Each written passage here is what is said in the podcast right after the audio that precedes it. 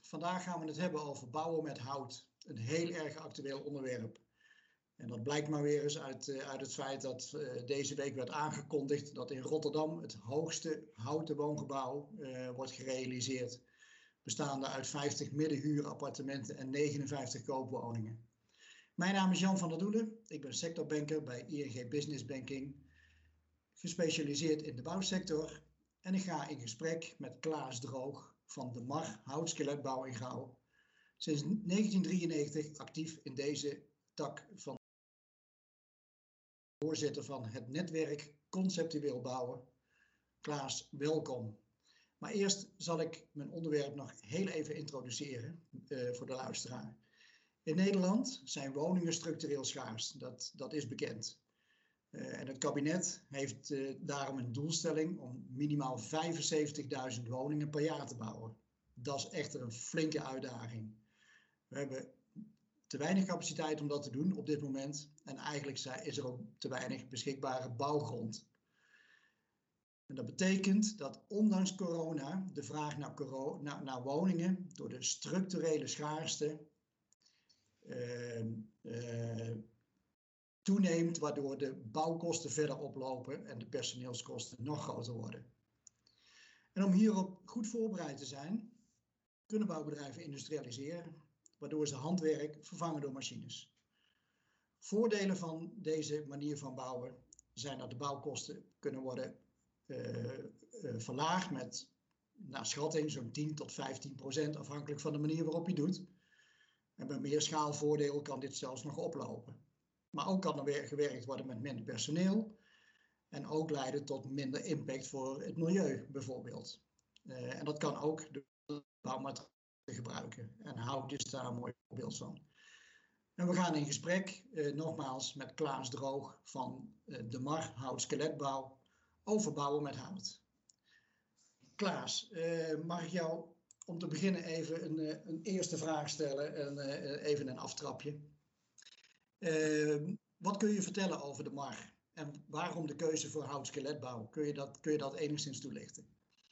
Ja, natuurlijk. Heel nou, ten eerste wil ik je natuurlijk hartelijk bedanken voor het feit dat ik een uh, bijdrage mag leveren aan jouw podcast. Uh, uh, dus dank voor deze uitnodiging.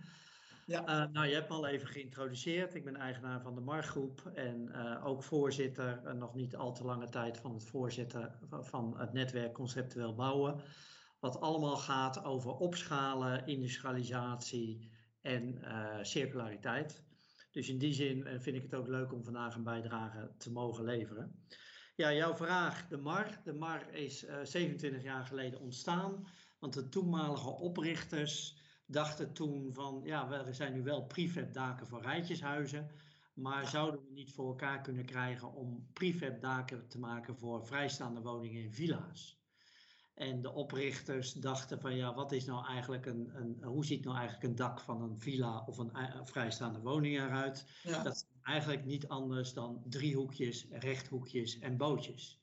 En als ik dat nou slim organiseer en ik maak een elementenfabriek ja. waar we rechthoekjes, driehoekjes en bootjes maken, dan kan ik eigenlijk van een villa dak toch een massaproduct maken. Nou, dat is ook gelukt, want als je kijkt dat we op dit moment een capaciteit hebben in de fabriek van rond de 40 tot 50.000 elementen per jaar. En we er denk ik vanaf de start van de onderneming zo'n beetje 750.000 hebben gemaakt. Dan kan, je ons wel, dan kan je ons oprecht denk ik wel een specialist um, elementenbouw in hout noemen.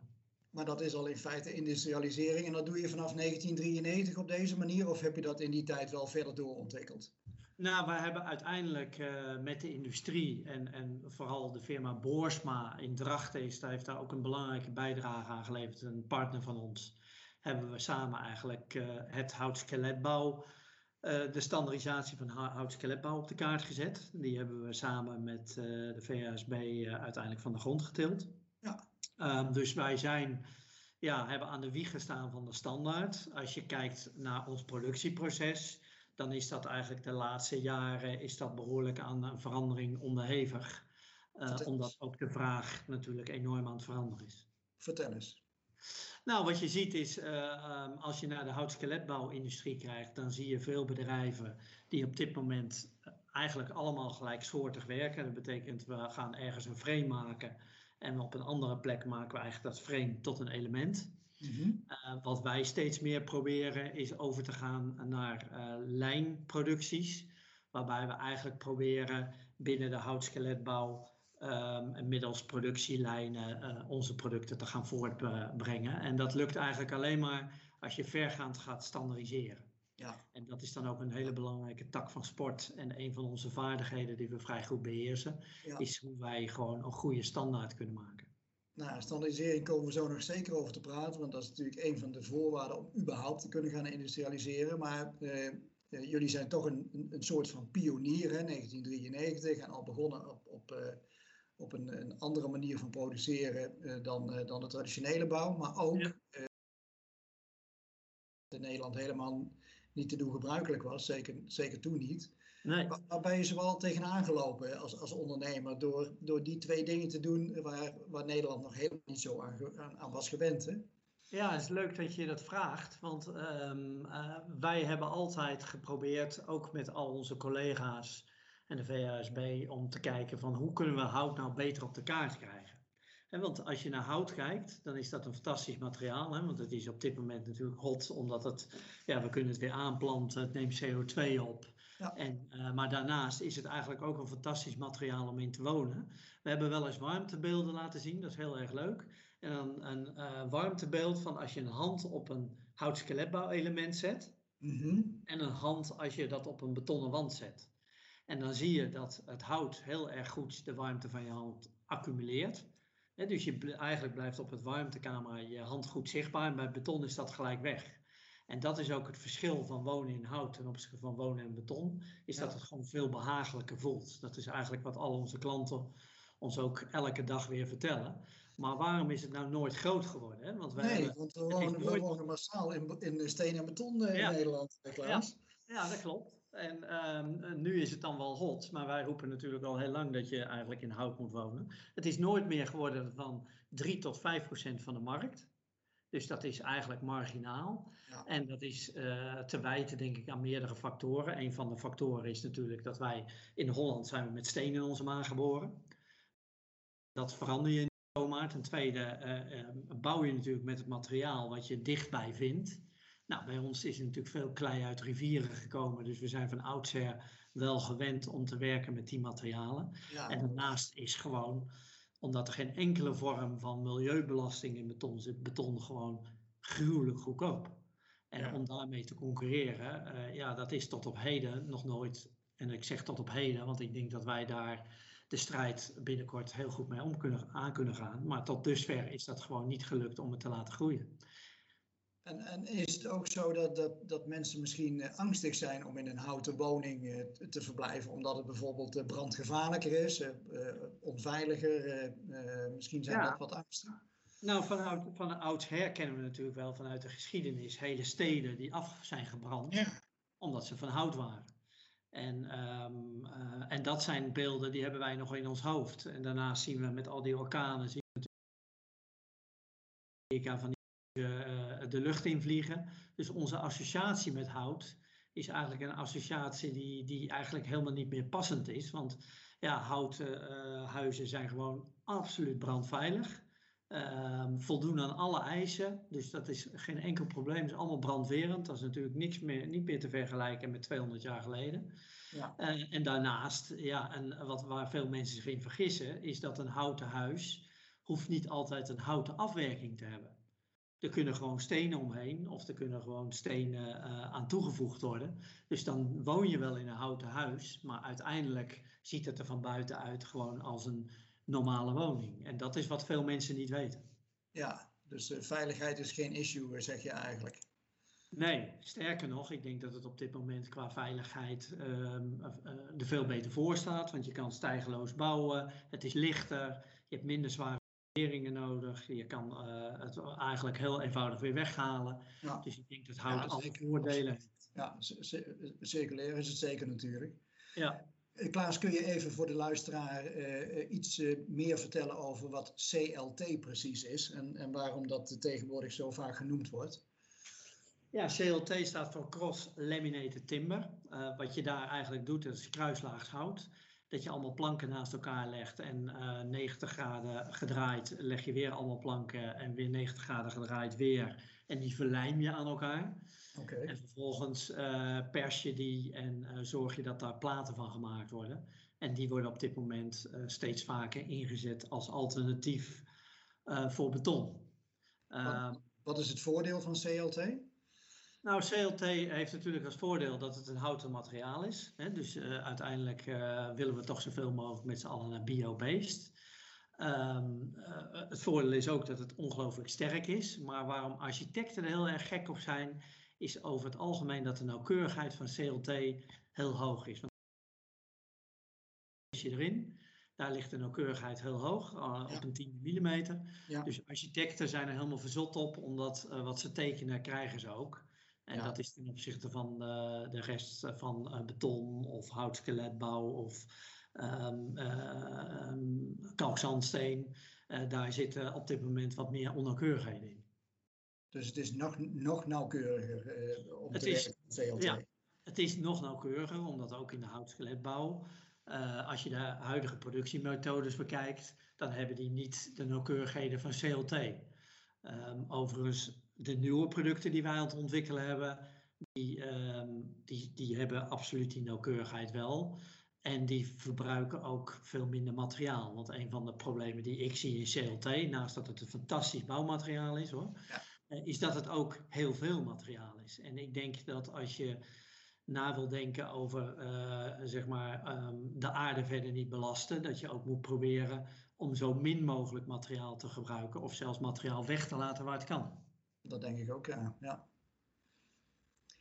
Uh, Klaas, uh, we hadden het over het, het, industrialiseren van het bouwproces. En dat kan natuurlijk prima met, uh, met hout. Uh, in, in hoeverre hebben jullie dat al toegepast en hoe heb je dat precies gedaan? Ja, nou in, in 2014 is bij mij eigenlijk, ik heb toen een aantal bouwprojecten uh, begeleid. Um, eigenlijk in een hoedanigheid als lean coach, dat is een van mijn, mijn achtergronden. En uh, toen, uh, ik kom niet uit de bouw, ik kom uit megatronica, robotica, industriële automatisering. En toen heel keek ik. Anders, naar heel wat anders dus. Dat is heel wat anders, ja. En toen keek ik naar dat proces op de bouw en toen dacht ik, ja, dit kan toch niet waar zijn. Dat wij op deze manier aan het bouwen zijn. En toen is eigenlijk het idee om kunnen gaan. Nou, uh, daar, we hebben daar allerlei experimenten mee gedaan, allerlei proeven gedaan, want wij zijn een toeleverancier aan de bouw. Hè. Wij leveren wanden, vloeren, daken, casco's aan aannemers. Ja. En toen dachten we van, um, ja, hoe zou dat dan op een andere manier kunnen? Dus toen zijn we eens totale woningen gaan bouwen, inclusief installaties en zo. Hebben we een beetje ontdekt van, van hoe zou dan onze aanpak moeten zijn. Nou, dat heeft uiteindelijk geresulteerd in 2015 met de oprichting van Block to Build. En Block to Build is eigenlijk uh, begonnen. Daar, daar, daar, was de visie van hoe kunnen we die bouwsector nou veranderen met een industriële, industriële, uh, industriële manier van bouwen. En daar bedoel ik mee dat we producten, standaard producten zouden kunnen gaan maken, net zoals een Lego-doos, waar we elk huisje mee kunnen bouwen. Nou, um, mijn visie is dat je dat eigenlijk alleen maar kan doen met een multidisciplinair team. Dat is ook mijn achtergrond. Hè. Ik kom uit de megatronica, er werken werktuigbouwers, elektronici, softwareontwikkelaars samen om, om uh, fantastische producten te ontwikkelen. Ja, dus mijn visie. doen tegenwoordig natuurlijk. Ja, precies. Dat was ook mijn gedachte hier. Van, uh, ik heb dus nodig industrieel ontwerpers, ik heb nodig bouwkundigen en ik heb nodig uh, softwareontwikkelaars. En die drie samen in een multidisciplinair team, die kunnen volgens mij systemen ontwikkelen die um, um, ja, veel eenvoudiger gebouwd kunnen worden. Maar was ook mijn vraag van, ja, um, zijn er niet al heel veel systemen geweest? Dus toen heb ik heel uh, uitvoerig onderzoek gedaan naar waarom zijn al die systemen die ooit bedacht zijn, want vanaf 1920 zijn al allerlei bouwsystemen ontwikkeld. Nou, daar kunnen we nog een hele aparte uitzending uh, aan wijden als je dat zou willen. Maar de belangrijkste conclusie was dat elk bouwsysteem wat je ontwikkelt, dat moet eigenlijk twee tot drie bouwcrisissen kunnen overleven. Want we weten allemaal dat die bouw ongelooflijk volatiel is. Zeker. Je is enorm onderhevig aan regelgeving. En ik kwam tot de conclusie dat als ik nu een heel systeem zou ontwikkelen en ik zou daar ehm, eh, bedragen in stoppen van tussen de 5 en de 10 miljoen, want daar heb je het dan over, en er komt een crisis, dan is er altijd al iemand die die fabriek weer op slot draait. Dus dat leek me niet de oplossing. Dus wij hebben daar wat andere oplossingen voor gebracht en daar zijn we nu eigenlijk mee begonnen. Door eigenlijk separate producten te ontwikkelen die we naar de markt kunnen brengen. Nou, het zal jou niet verbazen dat het eerste product waar we mee komen, dat is eigenlijk een modulair dak. En dat modulair dak, want dat is onze core business, zijn we ooit mee begonnen. Dat modulair dak bestaat eigenlijk uit allemaal standaard componenten, waarbij we een aantal uitgangspunten nemen, drie uitgangspunten. Het moet in stramienmaten van uh, 30, 40, 60 centimeter kunnen. Mhm. En het moet gemaakt kunnen worden in taktijden van 1 per minuut. Nou, dat zijn eigenlijk de, een paar ja, eigenlijk hele simpele grondbeginselen, maar die eigenlijk wel het toewerken naar die producten veel makkelijker maken. Dus ik heb uh, de eerste industrieel ontwerpers aangenomen. Inmiddels zijn daar zeven man fulltime werkzaam. Uh, eh, TU Eindhoven, TU Delft, uh, Hogeschool Productontwerpen, bouwkundigen. en die werken eigenlijk elke dag aan vernieuwing aan de bouw. En het eerste product wat nu live gaat is eigenlijk een compleet nieuw dak. Waarbij ik nog één uitgangspunt ben vergeten te noemen. Bij al die dingen die we ontwikkelen, hebben we maar één doel: een 30% lagere kostprijs. Kijk. Dat en een 30% lagere kostprijs, dat lijkt heel simpel. Maar op dit moment is het zo, en dat is voor een aannemer zo, dat is voor ons zo, dat is eigenlijk voor de hele kolom uh, van de bouw zo, dat de kostprijs wordt opgebouwd uit ongeveer 50% arbeid en 50% materiaal. Ja. Klopt. Dus dat betekent, als je modulair gaat werken, heb je vaak meer materiaal in eerste instantie. Uh, dat je, uh, als je 30% goedkoper wil, dat je uh, je arbeid eigenlijk moet reduceren tot een fractie van het huidige. 30% lagere kostprijs, dat is echt immens, Klaas. Ja. Dat, dat, dat zijn percentages die gemiddeld nog niet gehaald worden. Wat betekent dat nou precies voor de prijs van dat product wat jij levert aan de aannemer? Wordt het daarmee goedkoper? Ja. Is het daarmee, is het daarmee een, een, een eh, concurrerend product ten opzichte van andere oplossingen? Of hoe, hoe kijkt, hoe kijkt zo'n aannemer daar tegenaan? De vraag is of het goedkoper, het zal heel veel goedkoper voor hem worden in het, in het totaalsysteem. Want uh, uiteindelijk wordt uh, de faalkosten gaan terug naar nul. Ja. Omdat een standaard product is. Uh, de assemblage gaat vele malen sneller. we hebben geen purspijp meer nodig. Want eigenlijk is elke afwijking van een tolerantie uh, hebben wij een oplossing voor die duurzaam is. Dus het is geen gepeur meer, maar alles werkt gewoon met uh, afdichtingen die ontworpen zijn, naden zijn ontworpen. Ja. Dus je krijgt een veel beter product, wat ook weer uh, eigenlijk gewoon terug te nemen is. Dat is ook onze filosofie met die nieuwe producten. Alles nemen we ook uiteindelijk weer terug. Dat, dat is heel mooi. Ehm, je hebt natuurlijk eh, te maken met een geïndustrialiseerd proces en dat betekent dat bezetting heel erg belangrijk is. Uh, hoe, manage je, hoe manage je dat die bezetting op peil blijft? Met andere woorden, uh, onderbezetting kost heel veel geld. Dat wil je ten alle tijde voorkomen. Hoe doe je dat? Ja, nou dat is een goede vraag. Want als ik om me heen kijk, dan uh, kijk, bestaat eigenlijk de markt um, uit, uit vier, um, ja, noem maar even vier segmenten. Dat is de vrijstaande woningenbouw, de villa-bouw, hè, dat zijn dan de villa's ja. over enkele miljoenen, de rijtjeshuizenbouw en de meerlaagse bouw, dus de meergezinnenbouw. Um, in ons bedrijf, op dit moment, doen wij villa's, vrijstaande woningen en rijtjes. En ik zeg altijd, bij ons zijn de rijtjesprojecten, dat zijn de grotere projecten, dat zijn bij ons de stenen. De vrijstaande woningen is het zand en de villa's is het water. Ja. En dat zorgt er eigenlijk voor dat als wij ons emmertje vullen, dat die helemaal strak tot aan de bovenkant van de emmer gevuld is. En een fabriek kan alleen maar efficiënt draaien als je een hele hoge bezettingsgraad hebt. En het liefst een bezettingsgraad van 100%. En dat is de manier waarop wij dat nu doen. Wat ik veel om me heen zie, is dat bedrijven die zich richten op één segment, dus bijvoorbeeld alleen de rijtjeshuizen, dat het echt een hele tour is om die fabriek goed gevuld te krijgen. Want wij weten uit ervaring dat 94% van onze projecten schuiven naar achteren. Ja. En dan valt het niet altijd mee om, wij kunnen dat weer vullen met het, uh, met het zand en de stenen om te zorgen dat het emmertje toch nog goed vol blijft. Ja. Maar ik weet wel dat nu wij de stap gaan zetten naar meer industriële bouw, dat wij ook uh, gaan werken, die is nu op dit moment in ontwikkeling, met een modulaire productielijn, waardoor we verschillende producten over dezelfde lijn kunnen laten draaien, omdat ik dat probleem van die variabiliteit moet ik wel oplossen. Ja, 94 procent Klaas, dat is uh, erg veel. Hè? De, ja, eigenlijk alles. Hè? Maar dat is, dat is jouw praktijk? Of is dat, dat de praktijk? Ja. ja, en dan heb je het over verschuivingen, Jan.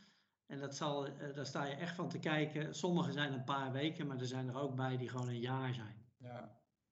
Ja, dus dat betekent dat je en flexibel moet zijn en je moet die bezettingen op orde houden. Dat, uh, nou, dat lijkt me een, eh, een ingewikkelde klus. Ja, want, want aannemers zijn uh, schatten van mensen. Maar ja, op het moment dat zij het een jaar verplaatsen en ze willen het week uh, 49 hebben, dan verwachten ze wel dat ik de week 49 lever een jaar later. ja, ik, ik, ik, ik weet het. Ja, ik, dus dus dat, dat is nog wel eens een discussie. Dat lukt gewoon niet altijd. Hele andere vraag, eh, Klaas. Uh, een beetje uh, richting het eind van, van ons gesprek. Um, wat zijn jouw plannen? hoe ziet de MAR er over vijf jaar uit en wat, wat, wat ben je dan aan het doen? goeie vraag. Um, ja, de MAR is over vijf jaar denk ik een hele belangrijke toeleverancier in de bouw. En met name in de, ook in de seriebouw. want daar zijn we op dit moment volop in aan het investeren. Ja. Uh, daar zullen we meerdere producten uh, gaan leveren, want ik uh, geloof heilig in een bouw die richting modulariteit gaat. Dus dat betekent dat aannemers in de toekomst toch meer richting OEM gaan, Original Equipment Manufacturer, en dat ze eigenlijk standaard componenten gaan inkopen waarmee je een huis kan bouwen. Daar ben ik heilig van overtuigd, in ieder geval voor 70% van het product. Uh, daar willen wij gewoon een van de belangrijkste spelers worden. En daarbij zal onze focus volledig liggen op hout. Alhoewel ik daar wel bij moet zeggen dat wij altijd proberen om de kwaliteit van het materiaal zo optimaal mogelijk te benutten. Dus uh, als ik nu zie naar een nieuwe dakkapel die we uh, ontwikkeld hebben, mm daar zitten een aantal stalen componenten in, omdat het op die plek meer toegevoegde waarde heeft. Dus dat, dat, zo blijven we wel continu naar het product kijken. Maar uiteindelijk zullen wij een belangrijke toeleverancier zijn van die standaard componenten. En die zullen over het algemeen zijn in, uh, op hout. En uh, ja, we hopen dat we daar. Uh, um, we hebben behoorlijk forse doelstellingen. we willen echt wel richting enkele honderden miljoenen. Dus ehm, we hebben een enorme ambitie de komende tien jaar om te zorgen dat die houtbouw in Nederland nu eens echt van de grond gaat komen. Ja. Dat is, uh, dat is zeer ambitieus, eh, Klaas. Ja. Dus, eh, dus aan jou uiteindelijk de hamvraag waar het allemaal om gaat. Uh, als jij een voorspelling mag doen, hè, op dit moment bouwen we in Nederland zo'n beetje 65.000 uh, woningen per jaar. De bedoeling is dat dat meer wordt, maar op dit moment halen we dat gewoon niet. Hoeveel procent van die woningen uh, laten we zeggen, uh, uh, in een tijdsbestek van vijf jaar, zullen uiteindelijk houten woningen zijn. De, de, wat, wat wordt het aandeel, denk jij? Ja, dan vraag je me om een glazen bol te kijken. dat, is, dat is eigenlijk meer gokken natuurlijk, en dat doe je in het casino. Ja. Maar um, nee, ik denk dat, dat houtbouw here to stay is. Ik bedoel, het is natuurlijk gewoon een no-brainer. Als je kijkt naar de belasting voor het milieu ten opzichte van andere bouwmaterialen, dan staat uh, hout natuurlijk bovenaan. Wat uh, denk ik de belangrijkste vraag is die we de komende jaren moeten beantwoorden, is hoe ga je industrieel en in massa produceren met hout? Ja. Want dat is de grootste uitdaging. Dat valt namelijk niet mee, want het is een natuurproduct. Um, en wil je in massa kunnen produceren, dan zal je heel veel moeten doen met de toleranties, anders krijg je dat niet voor elkaar. Dus het is een enorme uitdaging. Uh, uh, ik weet niet of iedereen uh, dat net zo ziet als ik. Eh, wij gaan in ieder geval ons best doen om samen met de markt zijn we bezig met, met de funding van een nieuwe fabriek van tussen de 15 en de 20 miljoen, waarin alleen maar houtbouw geproduceerd gaat worden. Um, waar je het dan over hebt, wat ik denk wat wij zouden kunnen gaan doen. Wij willen in ieder geval straks een capaciteit hebben van tussen de 5 en 6.000 woningen per jaar. Dat is waar wij naar streven. En met, de, met het dak wat we nu voor elkaar hebben, wat volledig industrieel geautomatiseerd geproduceerd kan worden, kunnen we met een 8 uur shift ongeveer naar 6000 daken per jaar. Dus, en dat zien we het ook wel voor het casco. Ja, dat zijn al uh, serieuze aantallen, inderdaad. Uh, dat zijn al serieuze aantallen. Ik, ja. ik, ik, zie dus de toekomst voor, uh, voor bouwen met hout in Nederland ook wel zonnig in, wat dat betreft.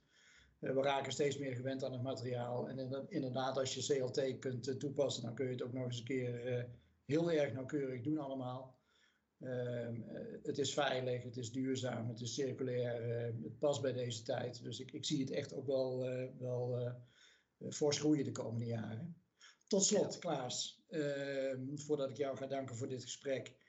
Uh, welke tips zou je ondernemers in de bouw met jouw ervaring en kennis uh, vandaag mee willen geven?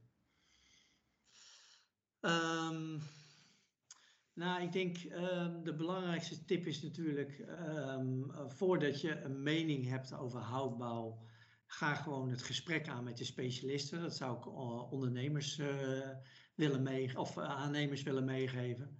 want het is een, een bouwmateriaal. Uh, ja, in de daken is het volledig toegepast, maar ook in de casco's is het, wat mij betreft, het uh, bouwmateriaal voor de toekomst. En het tweede is voor alle andere bedrijven, want wij zijn natuurlijk op het moment dat wij dit soort ideeën hebben, hebben twintig anderen dat ook. Ja. Dus er zijn heel veel bedrijven mee bezig. De tip die ik aan die bedrijven wil geven, want hoe meer, hoe beter. Hè? Ik omarm het ook. Ik, ik, wat betreft zou ik ook iedereen willen uitnodigen, kom naar een stoel doe met ons mee. Want uh, wat mij betreft is alles open en beschikbaar voor iedereen. Ja, want uiteindelijk willen we die houtbouw versnellen. Dus, um, maar die tip die ik daaraan zou willen geven um, is um, als je wil industrialiseren, focus je dan niet alleen op het proces. Dus ga machines en robots kopen, maar focus je ook vooral op het product. En zorg dat je zowel product als proces samen ontwikkelt. Want dan kan je vaak toe naar die uh, kostprijsverlaging. En op het moment dat je eigenlijk automatiseert wat je nu hebt, dan zal je veelal niet tot een kostprijs of nauwelijks een kostprijsverlaging komen. Want ja, die machine die kost natuurlijk ook geld. Ja. Uh, weliswaar wordt hij niet ziek, maar hij kost wel geld, ook als het wat minder gaat. Uh, dus focus je op zowel product als proces. En dat, die twee tips zou ik eigenlijk bij de stakeholders willen meegeven. Dankjewel Klaas. En uh, inderdaad, die kostprijsverlaging is hartstikke nodig, want de betaalbaarheid van, uh, van wonen staat uh, op dit moment onder druk in Nederland. Dus da daar moeten we inderdaad aan blijven werken. Inderdaad. Nogmaals, dank voor dit informatieve gesprek. hartstikke leuk om, om te praten over bouwen met hout in Nederland, wat helemaal niet zo vanzelfsprekend is, maar dat wordt het wel steeds meer. Ja. En ik wens je heel veel succes met, uh, met je ambitieuze plannen en de realisatie daarvan. Uh, en ik, uh, ik spreek je graag over, nou laten we zeggen, drie jaar om eens te kijken hoe, hoe, hoe het verlopen is. maar heel veel succes, Klaas. Dankjewel. Gaan we zeker doen, Jan. Hou even vast.